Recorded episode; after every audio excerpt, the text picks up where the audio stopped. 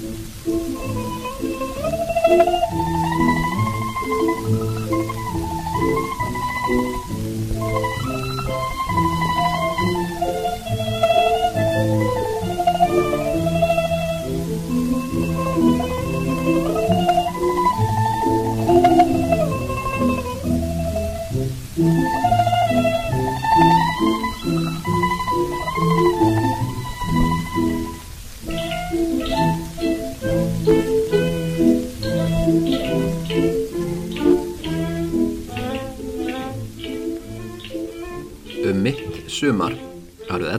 1193 röldi verulega drukkin Kudo Sugetsune inn í tjald sitt og í fang gleði kvennina tvekja sem byðans þar.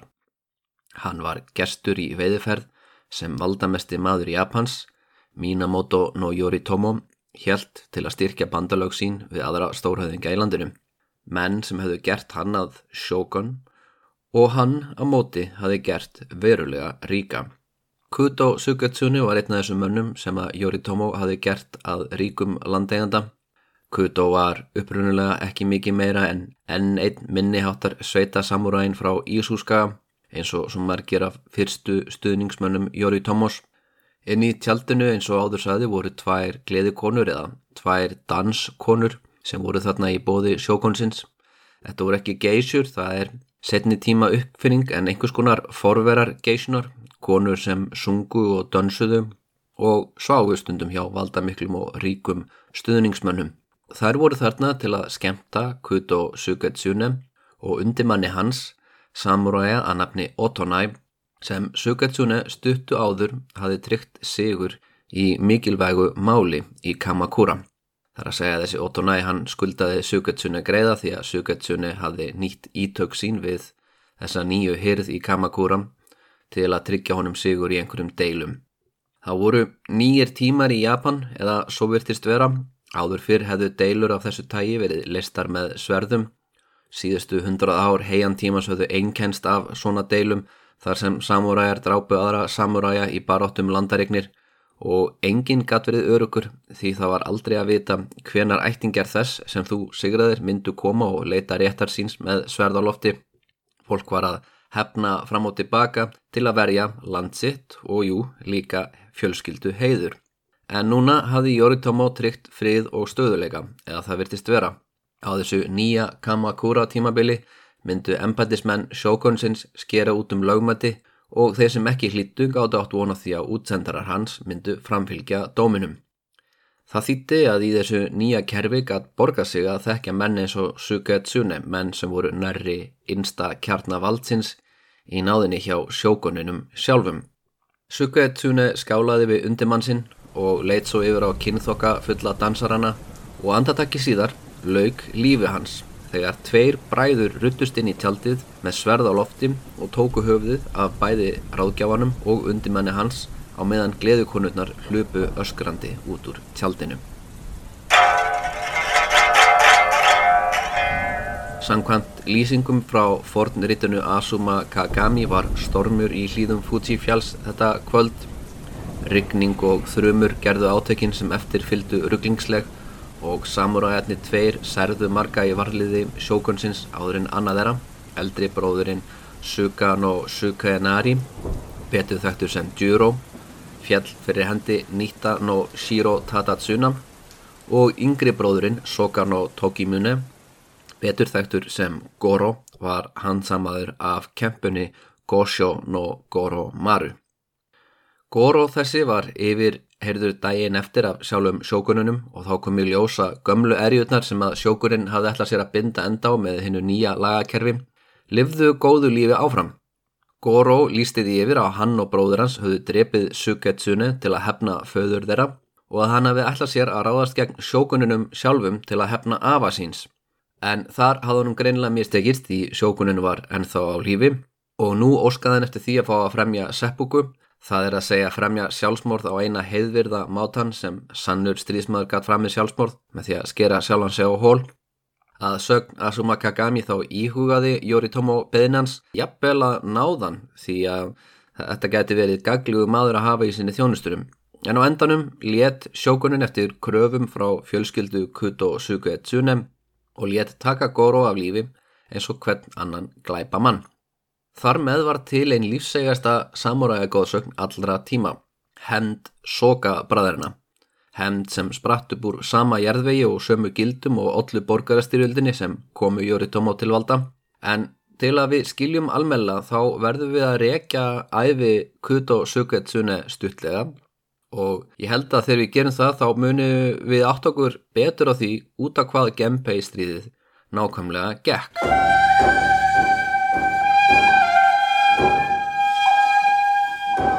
Japan er stort land en þó það sé stort þá er það land með fjöllum og eldfjöllum miklu skólendi og einungis 15% af landinu á þessu eingaklassa er ræktaland þetta land er mjög frjósamt og heldur uppi fjölmennu samfélagi.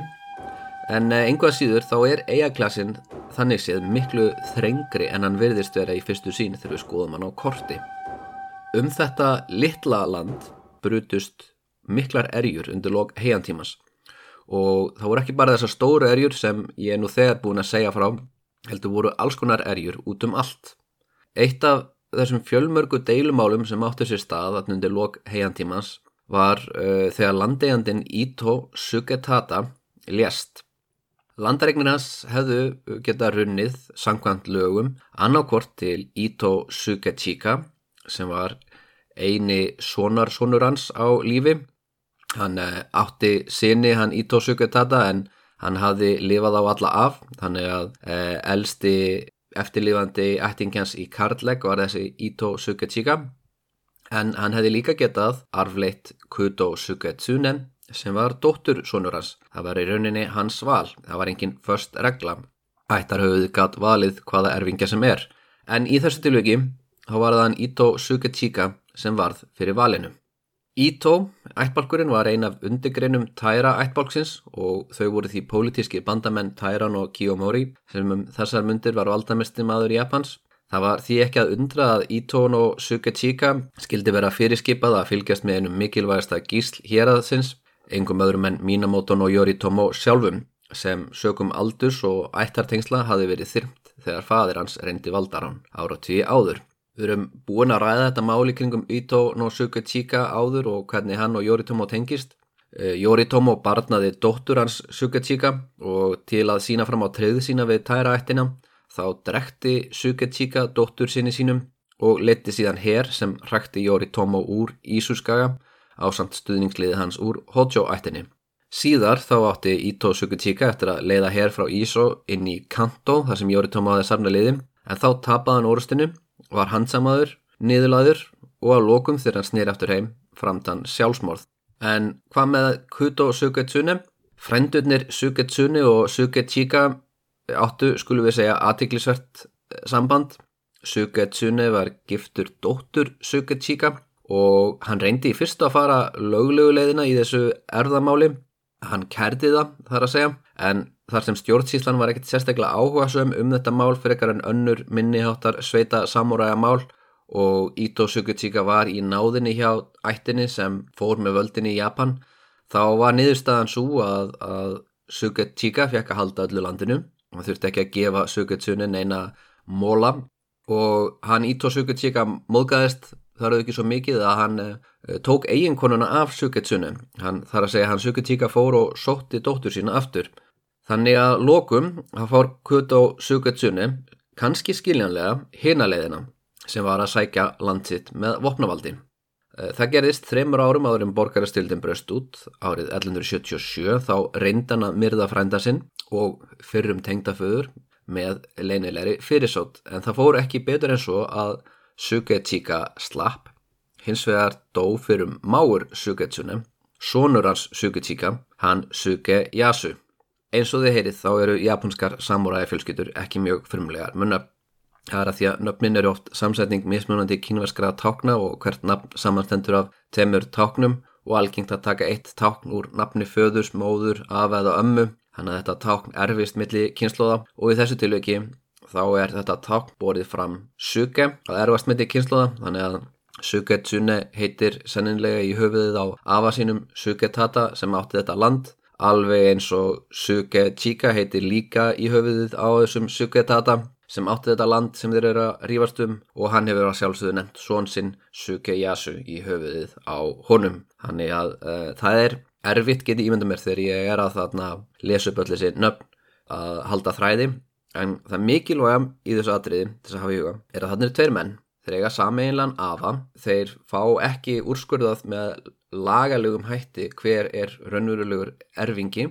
Þeir deilum þetta með vopnavaldi og það leiði til þess að einn maður deyr sem er uh, sonur Sugetíka sem er búin að hýrða landið og auglustlega frændi hans Kuto Sugetsune og þetta er svona alveg dæmi gert nágrannarstríð á heiantíman. Svona erjur fara yðurlega úr böndunum og þegar deilutnar eru orðnar ofmiklar þá neyðist höfuborgin stundum til þess að senda herlið eins og tímum Tæran og Masakato en yfirleitt hunsa yfirvöld svona smá erjur.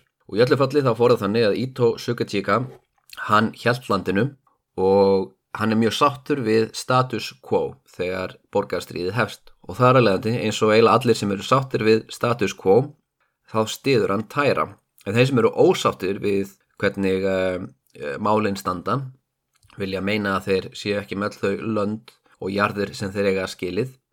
Nú, þeir stiðja mína mótoættina og Ég er búin að segja þetta alveg ítrykkað í mörg hlaðarpi röð að áður fyrr þá gáttu samóragar hirt land af frumbyggjum, þessum emissi og það væri oft það sem yngri sínir eða, eða arflausir sínir gera þeir bara fara einhvert eh, lengri í burtu og taka landið af einhverjum öðrum.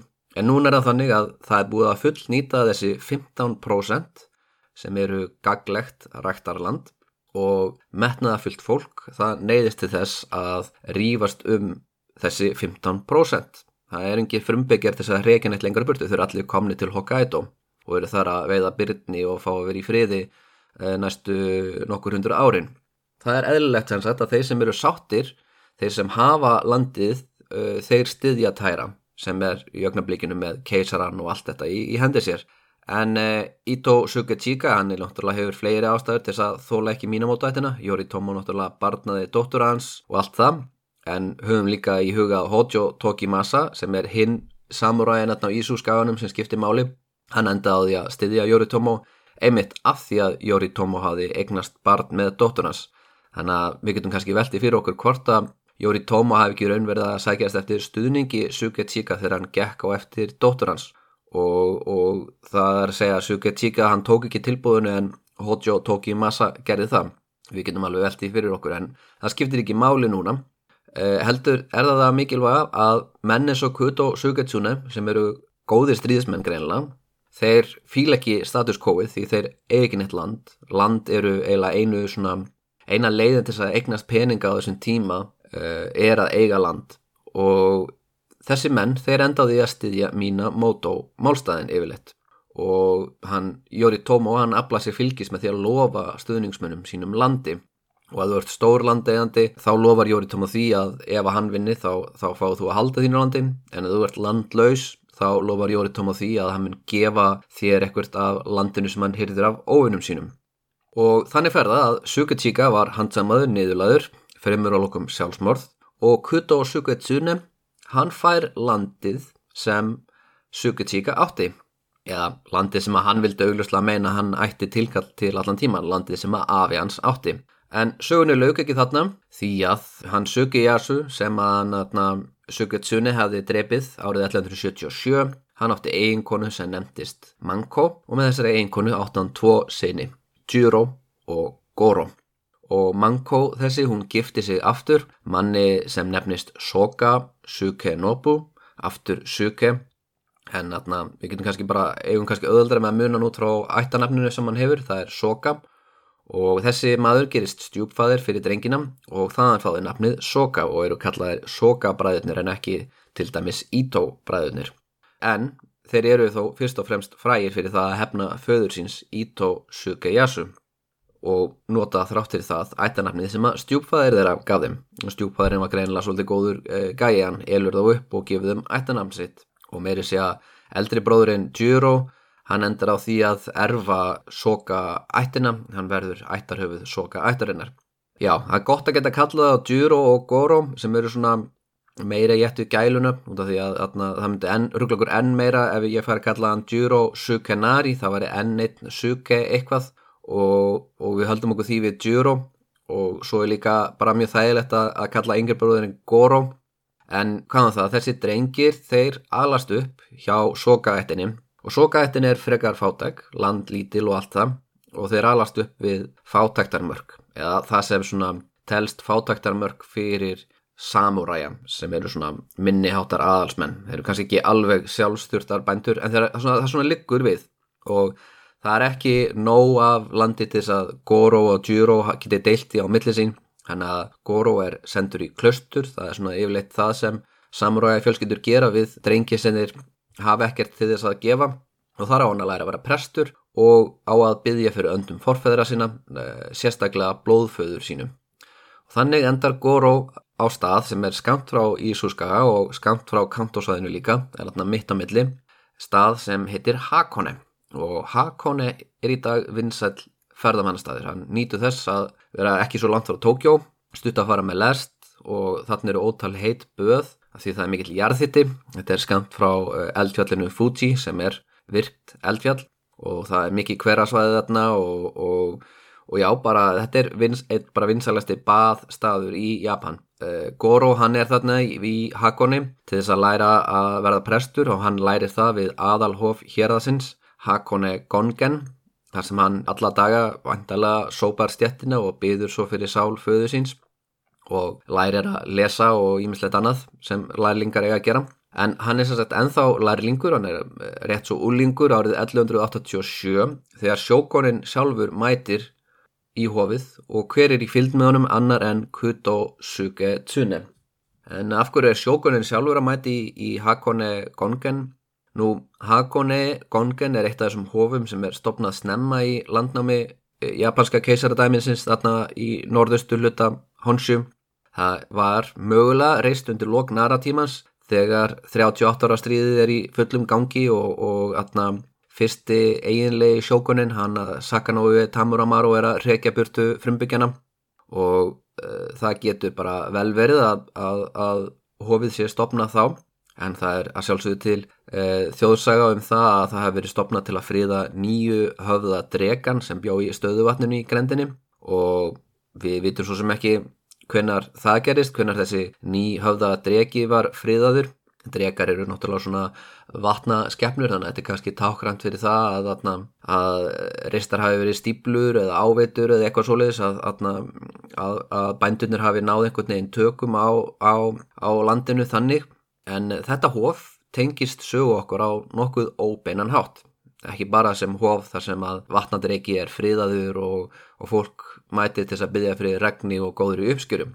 Nei, nefnilega í byrjun uppreysnar Minamoto gegn Taira í fyrstu og einu orustunni þar sem Yoritomo leti herlið og tapaði á alveg hrikala þá er þess að er hann Yoritomo að leiða frekar fáment herlið gegn föðurafa sokabræðarna. Það er að segja að hann mætir Ito Sukechika í orustu, orustunni við Ishibashiyama og sagan segir að herlið Yoritomo hafi verið svo illa leikið að hann hefði á endanum þurft að fela sig inn í hólum trjástofni á samt einum lífverði. Og við vitum það að máur hans uh, Yoritomo let lífið í orðstunni, það er hann Hojo Toki Mune og eftir þetta, eftir þessar hörmungar þá let Yoritomo aðra menn um það að stýra herliði sínum þar að segja hann tók aldrei aftur þátt í orðstu sem einhvers konar herfóringi Ég ætla ekki að kenna Yoritomo í sjálfsveitsur um tapið uh, eða reynsluleysi hans því að mínamóta herliðið var miklu fámennara heldur en tæra herliðið en uh, þessi úrsta átti sér stað í nákvæmni við Hakone Gongenhofið og svo verðist vera sem að hann Yoritomo hafi leitað skjóls eins og svo ofta áður í Shinto-hofi og meðan hann var við þetta hof þá lofaði hann Guðið hofsins að hann myndi færa honum veglegar fórnir og styrkja hofið verulega ef hann myndi sigra í stríðinum og eins og við vitum þá sigraði Yoritomo stríðið og eftir það veitir hann eh, þessu hofi rausnarlega styrki þannig að ég kaupi svo sem alveg söguna. Hann er séð en auðvitað getur vel verið að Jóri Tómas sé þetta bara að gefa hofinu mikla og rausnarlega styrki út af því að þetta er mikilvægt hof og hann vil hafa bændurna góða og allt þetta. En allavega árið 1187 mætir hann hann til að votta góðunu virðingu og það er rétt áður en hann fer í sitt síðasta stríð þar að segja stríðu gegn Fujivaran og Hitahira í norðurinu. Svo einhverja trú hefur hann haft á þessu hofi, hann Jóri Tómá en meðan mér för er að sjálfsögðu Kuto Sugetsune maðurinn sem á Goro veit að er ástæða þess að hann er bara einhver fátakur lærlingur í þessu hofi. Goro veit hver drap föður hans og þegar hann sér Kuto Suketsune þá verður hann staðræðun í því að hann ætli að leita henda og, og kannski er þetta svona, mitt hann sér uh, þessa menn koma og er glæsilega til fara, vopnaða upp á hestbæki og hann hugsa með sér, þú veist, ef það væri ekki fyrir þennan mann þá væri ég samuræi eins og hann ég væri maðurinn upp á hestbækinu með sverðin í fyllt með einhverjum valdamanni. Uh, í upprunalegu útgáfu sögunar Soka Monogatari sem er skrifið niður öld eftir þessa atbyrði uh, þá er það eina sem gerist er þetta, hann går og sér morðingaföðu síns og síðan stríkur hann úr hofinum en síðari útgáfur hafa reynd að skreita söguna meira þannig að búið til einhver svona auka atvik eins og Goro reynir að hefna föðu síns en að því hann er bara 13 ára drengur þá mistekstunum hrapalega og er síðan refsað er lamin með viðarsverði. Og þetta viðarsverð hann tekur það með sér þegar hann stríkur burt og notar það síðar til þess að drepa Suketsune. Svo er önnur útgáða sem Suketsune er gerður aðeins guðvugri og, og kemur auga á Goro kynir sér fyrra bræði gefur honum sverð og segir honum að leita sér uppi þegar hann er orðin fullorðin já þessar sögur eru auðvitað ekki sannar þetta er bara svona segir meira um svona hvernig samfélagið uh, ímynda sér að samuræjar höfður sér í gamla daga en í öllu falli Stuttu eftir þessa heimsókn sjókonsins yfirgefur Goro Hakonehofið og leitar uppi bróðu sinn.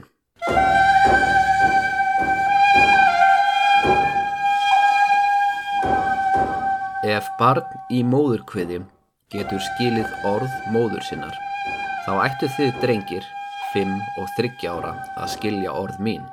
Þegar þið hafið orðið 15 og 13 skuli þið drepa óvinn föður ykkar og sína mér höfuð hans. Sankvæmt Soka Monogatari mælti ekki að Sukeyasu, hún Mango við drengi sína Djuro og Goro við jarðaför föðu þeirra þessi orð. Goro var of ungur til að eiga svar en Djuro lofaði því hátíðilega að uppfylla skildur sínar. Sagan um sokabræðuna og blóðuga hendera hefur orðið inblástur ekki bara í bækur, heldur fullt að leikurtum í No og Kabuki leikusunum og þó svo við Íslendingar þekkjum ágætlega bókmentahefðir sem snúast um að leita henda já, Íslendingasögurnar þá eh, held ég að það takir því alveg að nefna að blóðhend er ekki síður stór faktor í sögum um samúræja. Og þetta er náttúrulega eh, samúræjar og vikingar, þetta er ekki einu, einu eh, menningafyrirbærin sem leita henda, þetta er náttúrulega svona svolítið sammannlegar tilfinningar sem að sagan um hendina snýst um. Eh, ég er búin að nefna í fyrir þáttum Confucius að sjálfsögðum og hvernig konfúsianismi hafði áhrif á menningu Japans á miðöldum og ef maður veit eitthvað um þennan kínuverska speking þá hljómar ólíklegt að hann hveti til blóðugra hemdaraðgerða utan doms og laga. Confucius lagði mikla áherslu á löghlýðinni að þegnar hlýði aðalsfólkinu og að aðalsfólkið sé til fyrirmyndar en ef eitthvað er ofar öðru í speki hans þá er það sennilega fjölskyldan og skildur fjölskyldumæðlema gagvart uh, hvora öðrum. Þessi skilda trompar meiri segja löghlýðnina. Í einni sögunni úr annalektum Konfúsiusar þá montar fyrstin af sé sig yfir því að í ríki hans sig um enns og löghlýðinir að þegar einn maður stál söðfjö þá tilkynnti sonur hans glæpin og Konfúsius nexlast á því að hann svarar svona í minni heimasveitir heiðalugu mönnum öðruvísi farið. Fadir hilmir yfir són og sonur hilmir yfir föður í því er heiðarleikin fólkin. Með öðrum orðum þá skuldu við yfirbóður um okkar hlýðinni en hún er ekki mikilvægri en svo hlýðinni sem að sonur skuldar föður sínum.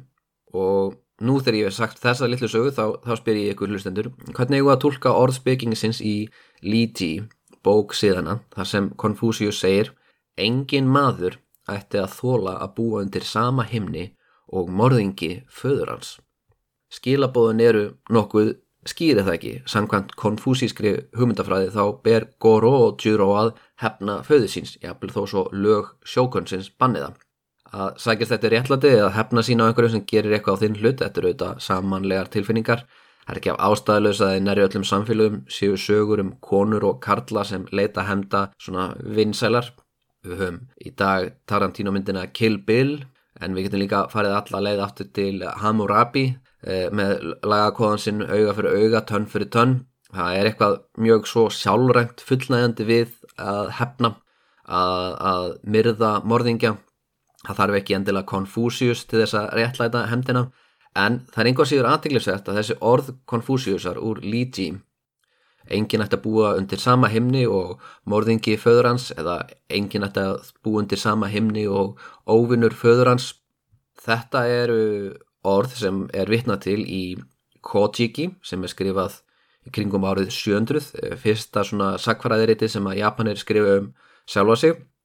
Og ég ætla bara svona að vitna hérna í, í mína þýðingu, ég þýtti þetta úr ennskri útgáðu af Kojiki. Þarna er uh, keisararlegur prins að leita henda eftir föðu sinn og hann segir við bróður sinn fadir okkar var á nokkurar sakar skoti niður af hans hátign. Oho Hatsuese og beinum hans fleikt út í mýri ég hef enn ekki náða að leita henda og fyrir það er hjarta mitt uppfullt af skömm ég leggst niður og græt og þegar ég geng einn græt ég hátt Það er þrá mín að þó burtu þessa smán af okkur því ég hef heyrt að enginn ætti að búin til sama himni og óvinnur föður hans. Og þetta er skrifað uh, svona um 150 árum eftir að buddhismin kemur til Japans. Uh, Sankant svona tímatali Kojiki þá eru svona konfúsísk speki eða svona fyrstu fræðmenninni sem lesa Confucius og tala um hann þeir eru að koma í kringum 500 eða 400 og, og þetta á sér stað, ef þetta átti sér stað það er að segja, þetta Kojiki er svona að lýsa hlutum sem gerðust hundruðum ef ekki þúsundum ára áður og eru munmælasögur þá átti þetta sér stað einhver tíman á milli árið 400 og 500 en það er allavega svolítið aðteglisvert hversu snemma þessi réttlæting eh, þessi svona konfúsíska síðferðislega réttlæting ratar inn í jæna, sögur og, og jafnvel görðir en aðna, einmitt ég dreða kannski svolítið ef að einhver uh, keisararlegur prins árið 400 sé mikið að lesa Confucius en allavega sá sem skrifa sögu þessa prins árið 700 honum finnst mikilvægt að þessi prins vísi í Confucius af því að það greinlegt að sá sem skrifar þetta ritt árið 700 hann byggir heimsmynd sína og réttlætiskend verulega á konfúsískum svona gildum. Og það gera Japanir meiraða minna til ársins 1868 því að síðasta sjókunadæmið Tokugawa sjókunadæmið það létt konfúsíska fræðimenn um að skrifa lagateksta Japans og síðan eftir 1868 þá eru fyrirmyndir að lagatekstum frekarsótar til Evrópu og, og svona reynda að afmá kínversk áhrif á Japans samfélag. En uh, nú ætla ég ekki að ganga svo langt að segja að konfúsianismin hafi haft áleika mikil áhrif á menningu Japans og eitthvað eins og kristni hefur haft á evróska eða íslenska menningum því að þó svo konfúsianismi sé stundum skilgrendur sem trúabrað þá er ég ekki vissum að það sé gaglegur samanbörður það er ekki einu svona gaglegur samanbörður þegar það kemur á bútismánum sem er þó mun líkari e, trúabröði eins og við skiljum það. Meðan bútismi er trúabrað en konfúsianismi þetta er svona eiginlega vestrænt hugtak því að það eru fræðmenn á vesturlöndum sem setja saman konfúsius og ismi. Konfúsius eh, er einfallega mjög mikilvægur spekingur í, í svona í, á austurlöndum og uh, hann er talin höfundur ákveðina kínverskra forn rita og, og hann er mjög líklega ekki höfundur þeirra allra já, við skulum segja sko að hann er náttúrulega ekki höfundur að neinu, læri sveinar hans uh, rita niður uh, ummæli hans og síðan eru kend við hann bækur frá Jóveldinu sem eru miklu eldri en hann en, um, en hvað er um það? Uh, hvað er konfúsianismi samt? ef það er til eitthvað sem heitir konfúsianismi um, það er kannski ekki beinleis eitthvað sem eh, er trúabræð eins og kristni en þetta er samt svona siðferðisbóskapur það eru þarna hugmyndur um hvað er að vera góð manneskja hvernig maður býr til gott samfélag. Og Þetta gæti alveg flokkast undir lífsskoðun myndi ég segja. Svona svipað á humanismi eða humanískar hugmyndir geta verið lífsskoðanir. Þú veist, er kommunismi eða sósialismi trúabröð það eru allavega þú veist, í kommunismanum þá félast ofta ákveðinni spátumar og hann er ekki eins vísindalegur endilega og, og fylgjendur að vilja meina. En eh, kommunismi eða svona svipað og, og, og konfúsinismi fela sig í sér mjög sterkast skoðun um uh, hvernig samfélagi eiga að vera og ákveðina siðferðiskend um hvað er rétt og ránt og auðvitað þá gildir þetta líka ekki bara um vinstri sinna, ég menna hægri menn, íhaldsmenn, liberalistar þeir hafa allir ákveðina siðferðiskend sem stýri því hvernig þeim finnst það samfélagið eigi að vera. Og bara þess að klára þennan uh, langa úturdur á tímum sokabræðarana, þarna í kringum árið 1200 þá er japansk samfélag gegnsýrt af konfúsískum hugmyndum.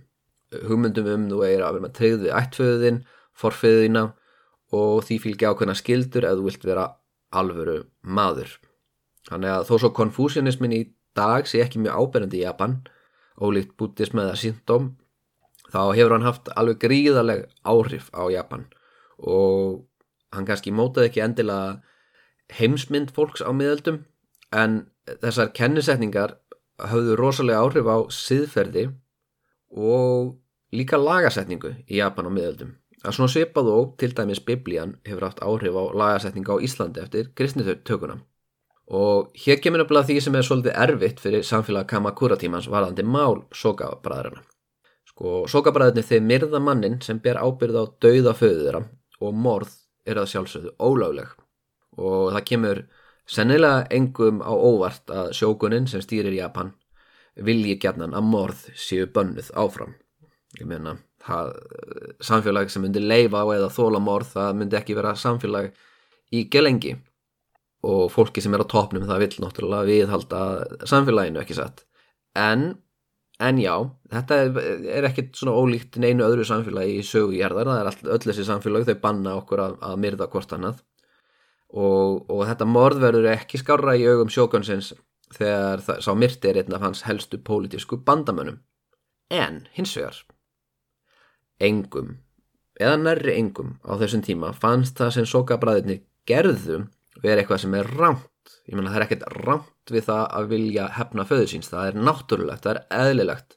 Með þess að mest í spekingur allar tíma, Confucius vil meina að maður hafi heilaga skildu til þess. Maður getur ekki búið undir sama himni og óvinnur föðum hans svo hvernig leysir Japan út úr þessu dilemma? Að þegar sokabræðurnir þeir fremja þetta morð þá er eiginlega engin lög til um svona sæmdarmorð. En síðar á Tokugawa-tímunum nokkur undur árum síðar á tímabilinu 1600 til 1868 e, þá er verið til samfélag sem eru margt ólíkt Kamakura samfélaginu því að Japan verður að nokkus konar borgarsamfélagin Kyoto, Osaka og Edo sem við köllum Tokyo og dag verða með stærstu borgum í heiminum.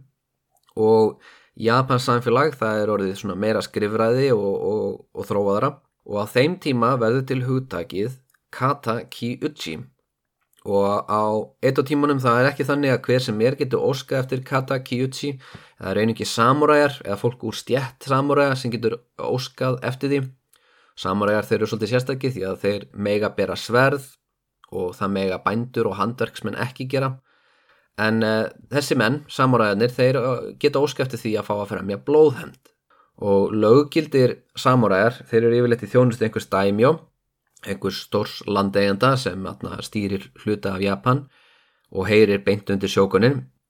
Nú þessir, þessir löggildur samuræðar, ef, ef svo til að eitthvað telji sig þurfa að fremja blóðhend, þá er fyrsta skrefið að fara til yfirbóðara síns og óskæfti því formlega að fá, fá að leita henda og þessi dæmjó ef þetta er dæmigerður dæmjó á þessum tíma þá mun hann sennilega segja já út af því að hann hefur á öllum líkindum allt og marga samúræg á launaskrá hjá sér því að það er friðartími og hann hefur ekkert að gera við fleiri menn til að bera vopn en hann skuldar þeim samt sem áður laun og þarf að hafa þau í þjónustu sinni að því að þessar stöður erfast og þar að auki þá þetta, hefur þetta þann bónus fyrir þennan dæmju að ef þessi samúræði fer út og, og hefnir atna, ættinga sinna þá verður hann sannlega frægur og þá hefur hann frægan samúræði í þjónustu sinni. Það er það besta þingindu gest í vestafalli þá losnar hann bara við einn mann af launaskrá. Svo hann segir sannlega já og þá fer samúræðin og skrifar ríkistjóninni sem er stödd í Edo eða Tokjó og hún fer yfir umsóknina. Og Já, nú er samuræðin búin að skrifa Bakufu nokkra línur og Bakufu, ríkistjóttin í Japan, hún vil sennilega gætan halda friðin í ríkinu og þeir eru þar að leiðandi líklegir til að segja nei. En embatismenninir sem skoða beðnina, þeir metana einhvað síður út frá ákveðnum fórsendum. Það er nefnilega fullkomlega lögmætt að hefna föðurs, afa, þú veist, ef, að, ef hann hafa drefin í einví eða einhverju álíka eða í einhverju fyrirsátt á, á ófriðatímum, þá er ekkert eðlilegra en að fara og leita hemda fyrir, fyrir föður. Líka þú ætlar að hefna eldri bróður þá, þá líta menn svo á að þetta er einhver sem er eldri en þú og þú berð skildur til hans. En um, ef það er fadir sem vil hefna fyrir morðið á síni sínum þá er svarið nei, þú mátt ekki fara og hefna fyrir morðið á síni þínum. Og ef þú vilt hefna fyrir yngri bróður þá er svarið líka nei. Þú hefur enga skildur til þess að hefna yngri bróður, það er bara yngri bróðurinn sem má hefna eldri bróður og síðan er einhver laglegar ásvæði sem ég hef ekki alveg svarið við. Hvað skuldur er stjúpföður, föðubróður, afabróður? Maður er ekki alveg vissum hvar bakkuföð dregur línutnar og kannski veldur þetta svolítið á embætismanninum en þeir sögðu oft nei og þeir sögðu líka oft já. Og nú segjum sem svo að þú sért samuræi þú ert búin að tala við dæmjóniðinn, hann segir ok, farðu og sagt um leifið til þess að hefna þín þú skrifar uh, ríkistöldinni og ríkistöldinni segir ok, þú mótt fara og drepa þennan mann þennan mann, engan annan. Nú ef það gerist þá mun uh, ríkistöldin líka senda viðkomandi bref þetta er svo rosalega formlegt og lagalegt. Brefið tilkynur honum að hann sé hér með skotmark blóðhendar. Hann hefur réttin á því að flýja og hann hefur réttin á því að berjast að móti. Og ef hann drefur sem sagt hefnandan, mannin sem er á höttunum eftir honum þá er engir eftirmálar, það telst bara fullkomlega eðlilegt að verja sig. Svo, samuræðin sem ætlar hefna, hefnandin, hann leggur nú að staðin í heimahérað viðkomandi. Það þýðir að hann þarf að tilkynna stjórnvöldum á þýsöðun og hann sé þarna mættur í hendalegangur. Þannig að segja hann bankar upp á hjá dómara í sveitinni og dómarinn fyrir yfir allir stimplar sígur réttir. Og eins og all skrifinska þá tekur þetta tíma og það gefur skotmarkinu færi á að flýja. Og þetta skapar vandamál fyrir hefnandan Það er að segja að hann mun kannski elda nefnir í næsta hérað eða sveitafélag og þá þarf hann aftur að sína dómara þetta og fá formlega leifi til að morðið sé fullkomlega löglegt. Af því að ef þú fremur morðið aðeins að það sé löglegt, nú þá ertu búin að fremja glæp og þá geta eh, stjórnvöld handekið þig og tekið þig af lífi. Nú segjum sem svo að hefnandin finni fórtalamsitt á gistúsi á veginu millir Edo og Osaka Þá mun uh, hútjarfur samuræi stíga fram og segja eitthvað eins og þú drafst föðminn búðið undir að deyja, eitthvað í þáttina. My name is Inigo Montoya. You kill my father. Prepare to die. Og ef þeir eru fullkomlega heiðarleir þá draga þeir sverð sín og berjast uh, vonandi utan dýra, en berjast vonandi ekki inn á gistihúsunum, vonandi er þeir það kurtið sér, en... En já, þeir reyna væntalega að forðast að drepa aðra því þeir hafa ekki leifi frá sjókununum til þess og það myndi vera glæpur. Og ef þetta fer þannig og hefnandin hefur sigur á lókum þá bara getur óskánu til hamingju, hann hefur náða að hefna föðu síns. En eftir það má hendin ekki halda áfram því að, því að það er ekki þannig að svonur þess sem nú hefur verið tekin af lífi, hann getur ekki leitað að henda, það má ekki fara fram og tilbaka milli ætta og halda áfram kynslu eftir kynsluð þannig að sonur þessa drefur föður þessa og þá kemur sonur þessa. Það má ekki, það er óleifilegt það er aðna, hendin er bara einu sinni one time only. Eh, en hins vegar þá má hefnandin hafa aðstóða menn með sér í liði en þá ber honum að tilkynna þá ofinbella þeir augljóslega með ekki berjast með honum. Þeir með að halda á opnunum þeir með að aðstóða við aðra luta á ferðalæginum og sá sem var á flótta eða átti vonu á hefnanda hann fekk líka lista í hendunar þar að segja hver uh, hefnandin er og hvaða aðstofann viðkomandi hefur. Og þetta er óbáslega snýrtilega leið til að leita að hefnda og þetta er svolítið ólíkt í sem við lesum í Íslendingasögunum þegar við erum að spá við það. Í Gíslasögu Súsunar þá eru mennað hefna morða og fóstbræðurum sínum. En ég samt benda á það í, til dæmis í þeirri sögu þá er Börgur Digri sem eldir Gísla Sússon hann fer fyrst á vorþing vestfyrðinga til að fá Gísla úrskurðaðan útlaga og réttræpan. Og Gísli er rétt dræpur sangkvæmt lögum í gíslasögum. Og aðna börgur hefur leiði til að hefna Þorgríms frændasins í ákveðin tíma. En svo þegar gísli hefur verið í útlæði í ákveðin tíma þá verður, verður strandtiltekið ólöglegt að drepa hann þar að segja ef hann klárar útleðina og þú veist, morðið á atna, Gunnar á hlýðaranda var löglegt eh, en svo eru þetta önnum morð sem eru það ekki. Það er augljóslega mikið af ábeldi í Íslandingasöguna sem er ekki löglegt um, en uh, það eru fleiri dæmi í atna í sögu Japans um hendaraðgerðir sem eru kól ólöglegar eins og saganum 47 Rónin sem ég mun andanum fjalla um vonandi. Það er frægasta hendaraðgerð í sögu Japans fyrir þetta sokabræðunar að kól ólögleg aðgerð. En einhvað síður eitthvað sem að Japanir þegar þeir heyra að þessu, þeir dást að þessu og, og, og skrifa leikrit og gera listaverk um þessar hetjur eftir það og nú kannski farið að velta fyrir ykkur hversu algengt var þetta katakiyuchi á Edo tímanum. Þetta eru svona um það byrju 300 ár þar sem það er, þú getur formlega sótt um að leita henda ef einhver hefur myrt eh, ættingaðinn og fengi leifi til þess að drepa annan mann. Nú, þetta var nóg algengt til þess að fleiri en einn skrifstofa höndlaði svona umsóknir. Einu þeirra var stött í norðurhluta Edo, eh, hétt Kitamachi Bukyosho og nafni þýðir einfallega norðurbæjar skrifstofan, Kitamachi þýðir norðurbæjar Bukyosho er, uh, ég getum sagt að þetta sé svona síslumadur á edotímanum, þetta höndlar alls konar mál, ekki bara, ekki bara uh, brjálaða samáræða sem eru að leita hemda, en, en uh, hún hefur höndlað íms önnum mál, en hún helt samt sem áður skrá yfir umsóknir og blóðhendir og fyrstu árin eftir þessi lög voru sett 1661 til 73 voru 28 umsóknir um Kata Kyoji og á næsta áratu eftir það eru svo heilar 52 umsóknir, þannig að það hefur aukist í vinsaldum, en svo byrjar að draga mikið úr umsóknum og greinilegt að fleiri og fleiri mál eru leist með öðrum leiðum, þannig að það verður þá líkara því réttarkerfið sem við eigum að venjast, en það er kannski ástæða þess að það var svona mikið af umsóknum um hendir uppröðulega var kannski svo að það var ekkert svo langt síðan Japan hafi verið í borgarastríðu og fullt af fólki hafi mist ættingja í þeim átökum og vissi kannski hver það var sem draf þennan ættingja og vildi skiljanlega leita henda. En svo öll síðar á tímabilinu 1789 til 1801, eh, þetta er það tímabil þar sem franska byltingin er í gangi í Európu, nú þá eh, er bara eitt dæmi um blóðhend, það er bara ein umsókn og það sínur okkur kannski hversu friðsalegt edo tímabilið er orðið og úr rítinu Katakiyuchi Genjo Chosho höfum við átján dæmi um blóðhendir með umsóknatekstum og lýsingum á málunum. Gallin við það ritt svona út frá svona sjónurotni sagfræðinga er það það er ekki skrásett dagsetning með því. Það er að segja að það, við vitum ekki hvena það er skrifað það, og við vitum ekki þar sem við vitum það ekki þá sínir þetta okkur ekki endilega heildarmyndina. En einhvað síður, þetta er svolítið skemmtilegt ritt uh, ég fann textan á ennsku og ég ákvaða að þýða hann yfir á íslensku. Og hér er sagt, umsókn frá edotímanum um, um að leita henda og hún hefst svona Ég Mitsushima Den Emon Rónin tilkynni hér með.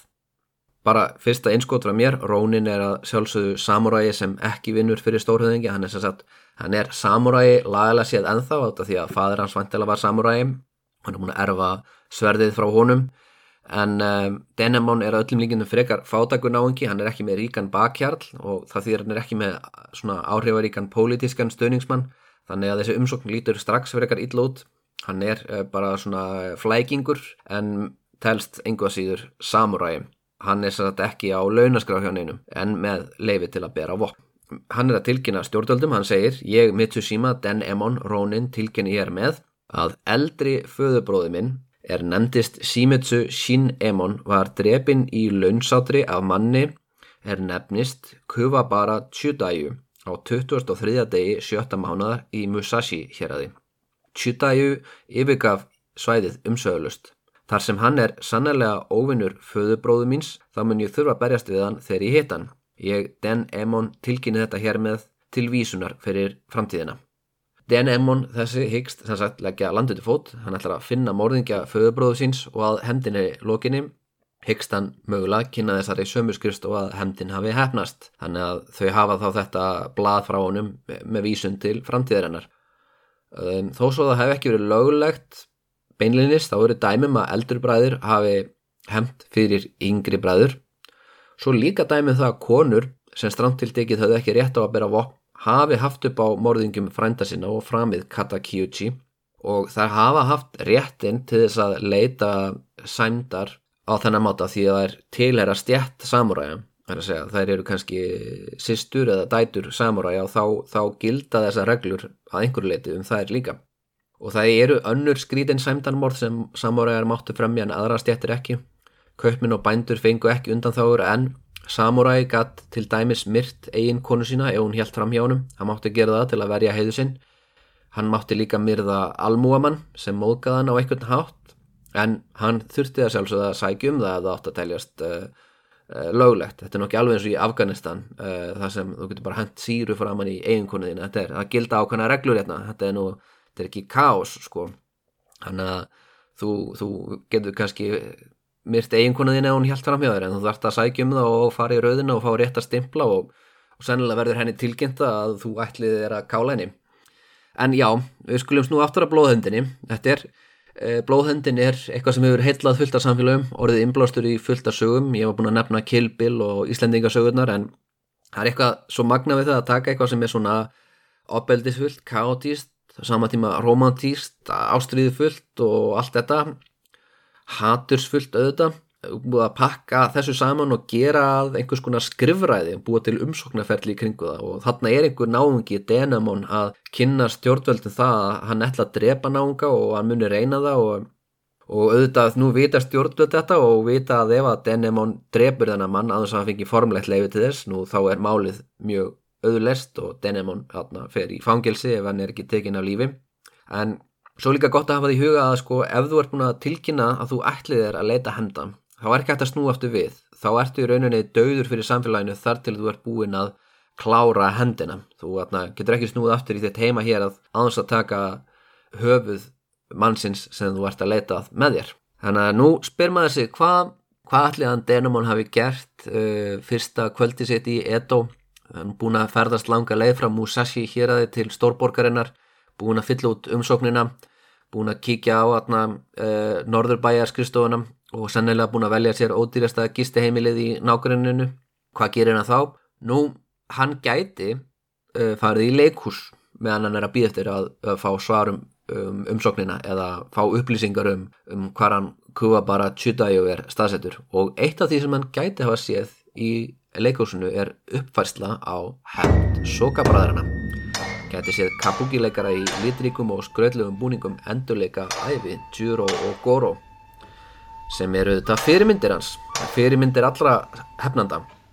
Og, og ég ætla því að halda þess áfram með söguna einna það sem frá var horfið. Sem sagt, hann Goro sér morðingja föðusins í Hakone-hófunum 13 ára gammal hann stríkur úr pressnámunum og hann fer ekki beint til eldri bróðu síns heldur fer hann á fund manns sem hann lítur á sem frenda sinn þó svo þeir séu ekki blóð skildir og þessi maður er einn af valdamestumunum Japans um þessar stundir faðir Hojo Masako eigin konu sjókonsins engin annar enninn metnaðafulli Hojo Tokimasa.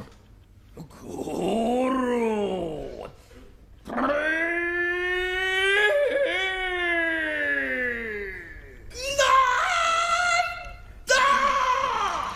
já, rifjum að þessu upp ég er nú enda búin að segja þetta í þessum þætti áður.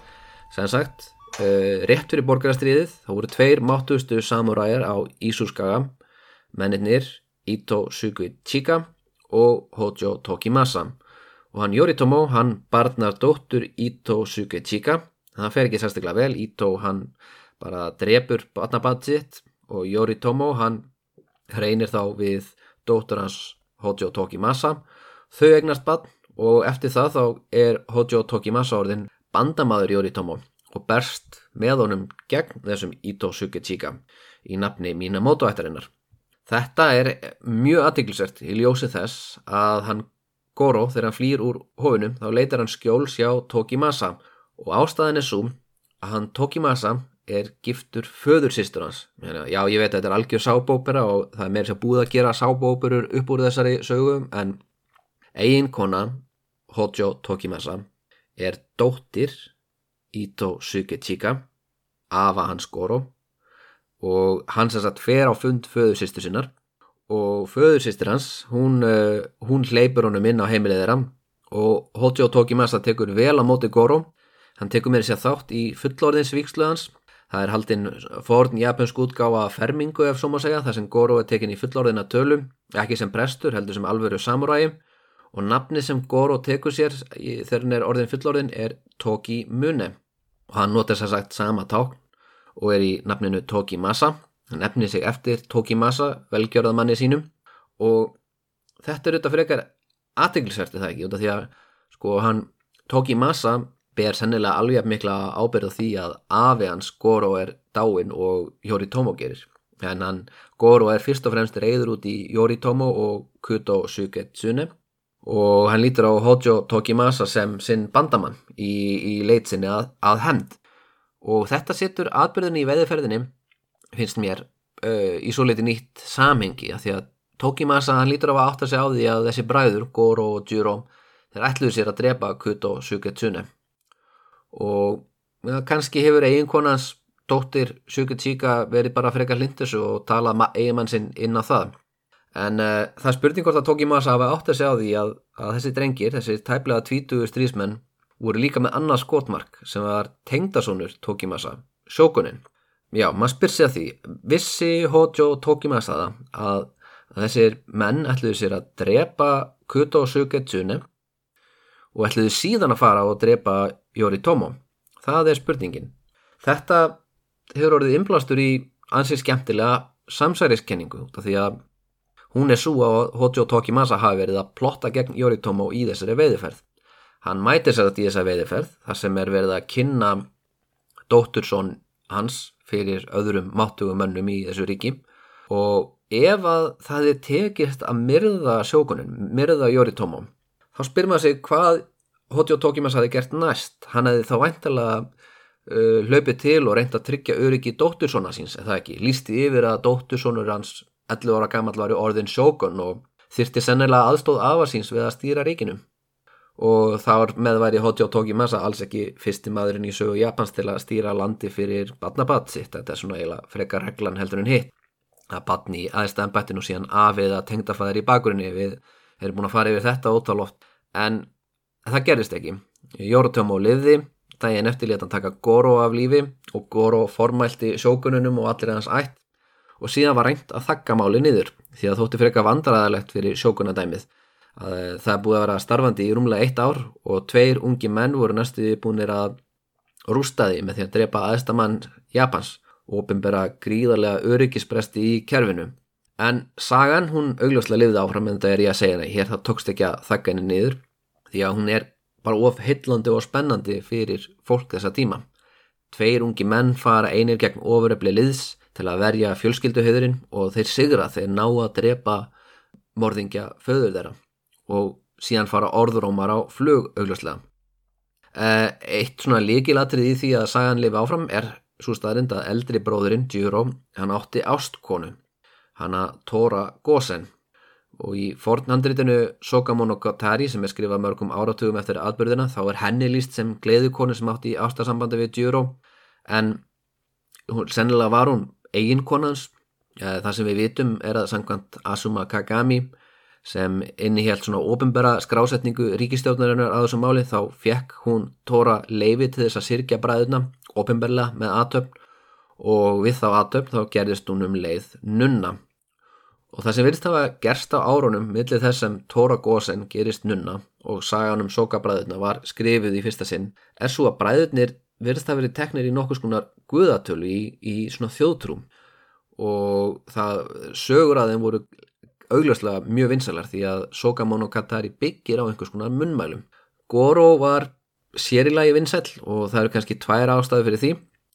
Nafnið hans minnir á hljóðið Goro Goro sem að Japan er nota til að takna þrjumur goro goro goro goro goro goro í öðru lagi þá hljómaði það líka svo litið eins og gorjó það er orð yfir anda sem er svo reyður yfir einhverju óriðlætti sem hann verður fyrir í lífanda lífi að hann snýr aftur til að hefna sín sem er þetta svona svo litið í anda goro sjálfs sem personuleika hljómaði eins og eitthvað sem hann er líklu til að gera.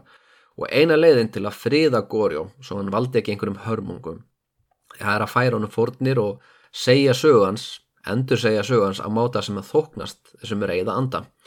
Og í leiðinni þá færir þú þessum anda fórnir, þú dansar fyrir hann og oftar en ekki þá sé staði einhvers konar umbreyting. Þessi illi andi hann breytist í góðan vætt eða jafnvel bara góð og þannig var það að undir lok kamakuratímans þá voru flökkukonur, einhvers konar nunnur eða skemmtikraftar voru að ráfa um norðaustur hluta Japans, Ísuskaga það sem bræðurnir uh, komu, Hakone-svæðið þar sem, þar sem hann etna, Goro fór í, í prestnámi í stuttastund og líka um Kanto-svæðið og, og etna, svæðin etna, við rætur Fuji fjalls þar sem veiðiferðin átti sér stað. Á þessu svæði þá ráfuðu þessar nunnur um og voru svona sögukonur.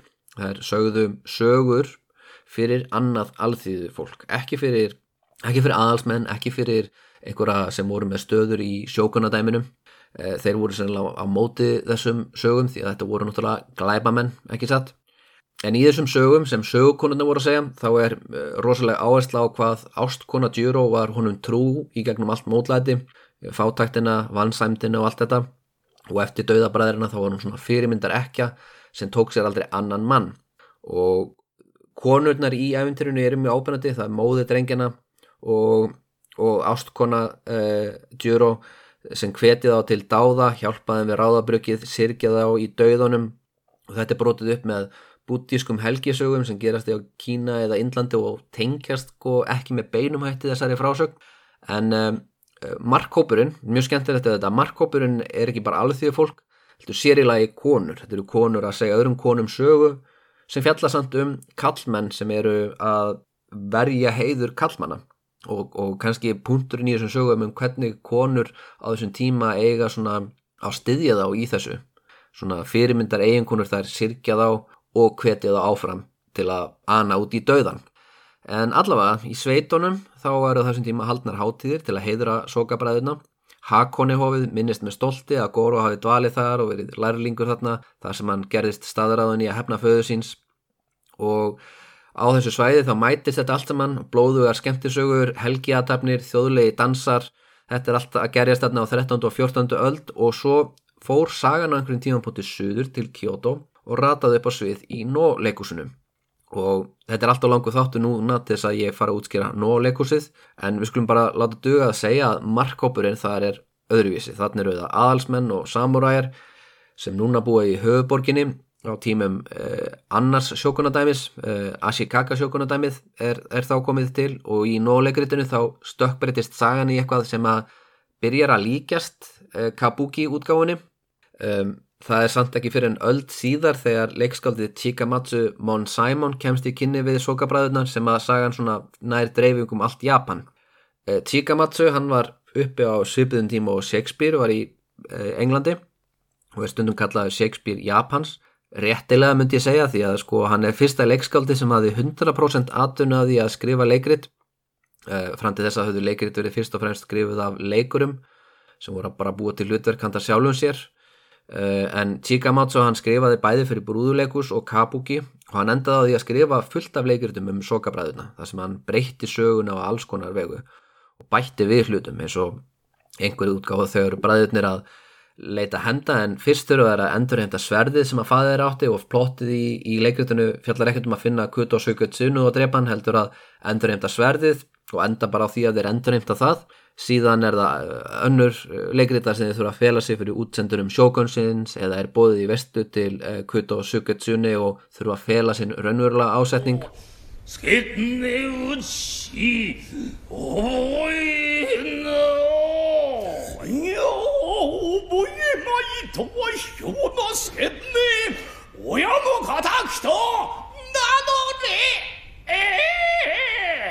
útsi ogとは人なせんね親の敵と名乗れええようびろうなるはぱしめ押し黙って聞いていりゃ主人へ対し敵をog, og já með uh, þessum leikritum Chikamatsu þá verða þeir frægir um all land berast út með brúðuleikusu og já, kabuki leikusi og Stöttur síðar þá tekur uh, eitt frægasti leikar í sögu Japans, hann Ichikawa Danjuro upp þessa sögum og hann býr til mjög svona romantíska og göfuar hetjur út úr þeim sem tala á uh, svona mállísku edo-tímans. Þeir tala eins og uh, samuræjar sem búa í edo og, og skemta sér á sama máta og þeir því að heimsækja gleðu konur í skemtana kvörunum og, og, og þar fram eftir gödunum. Homo til og þóri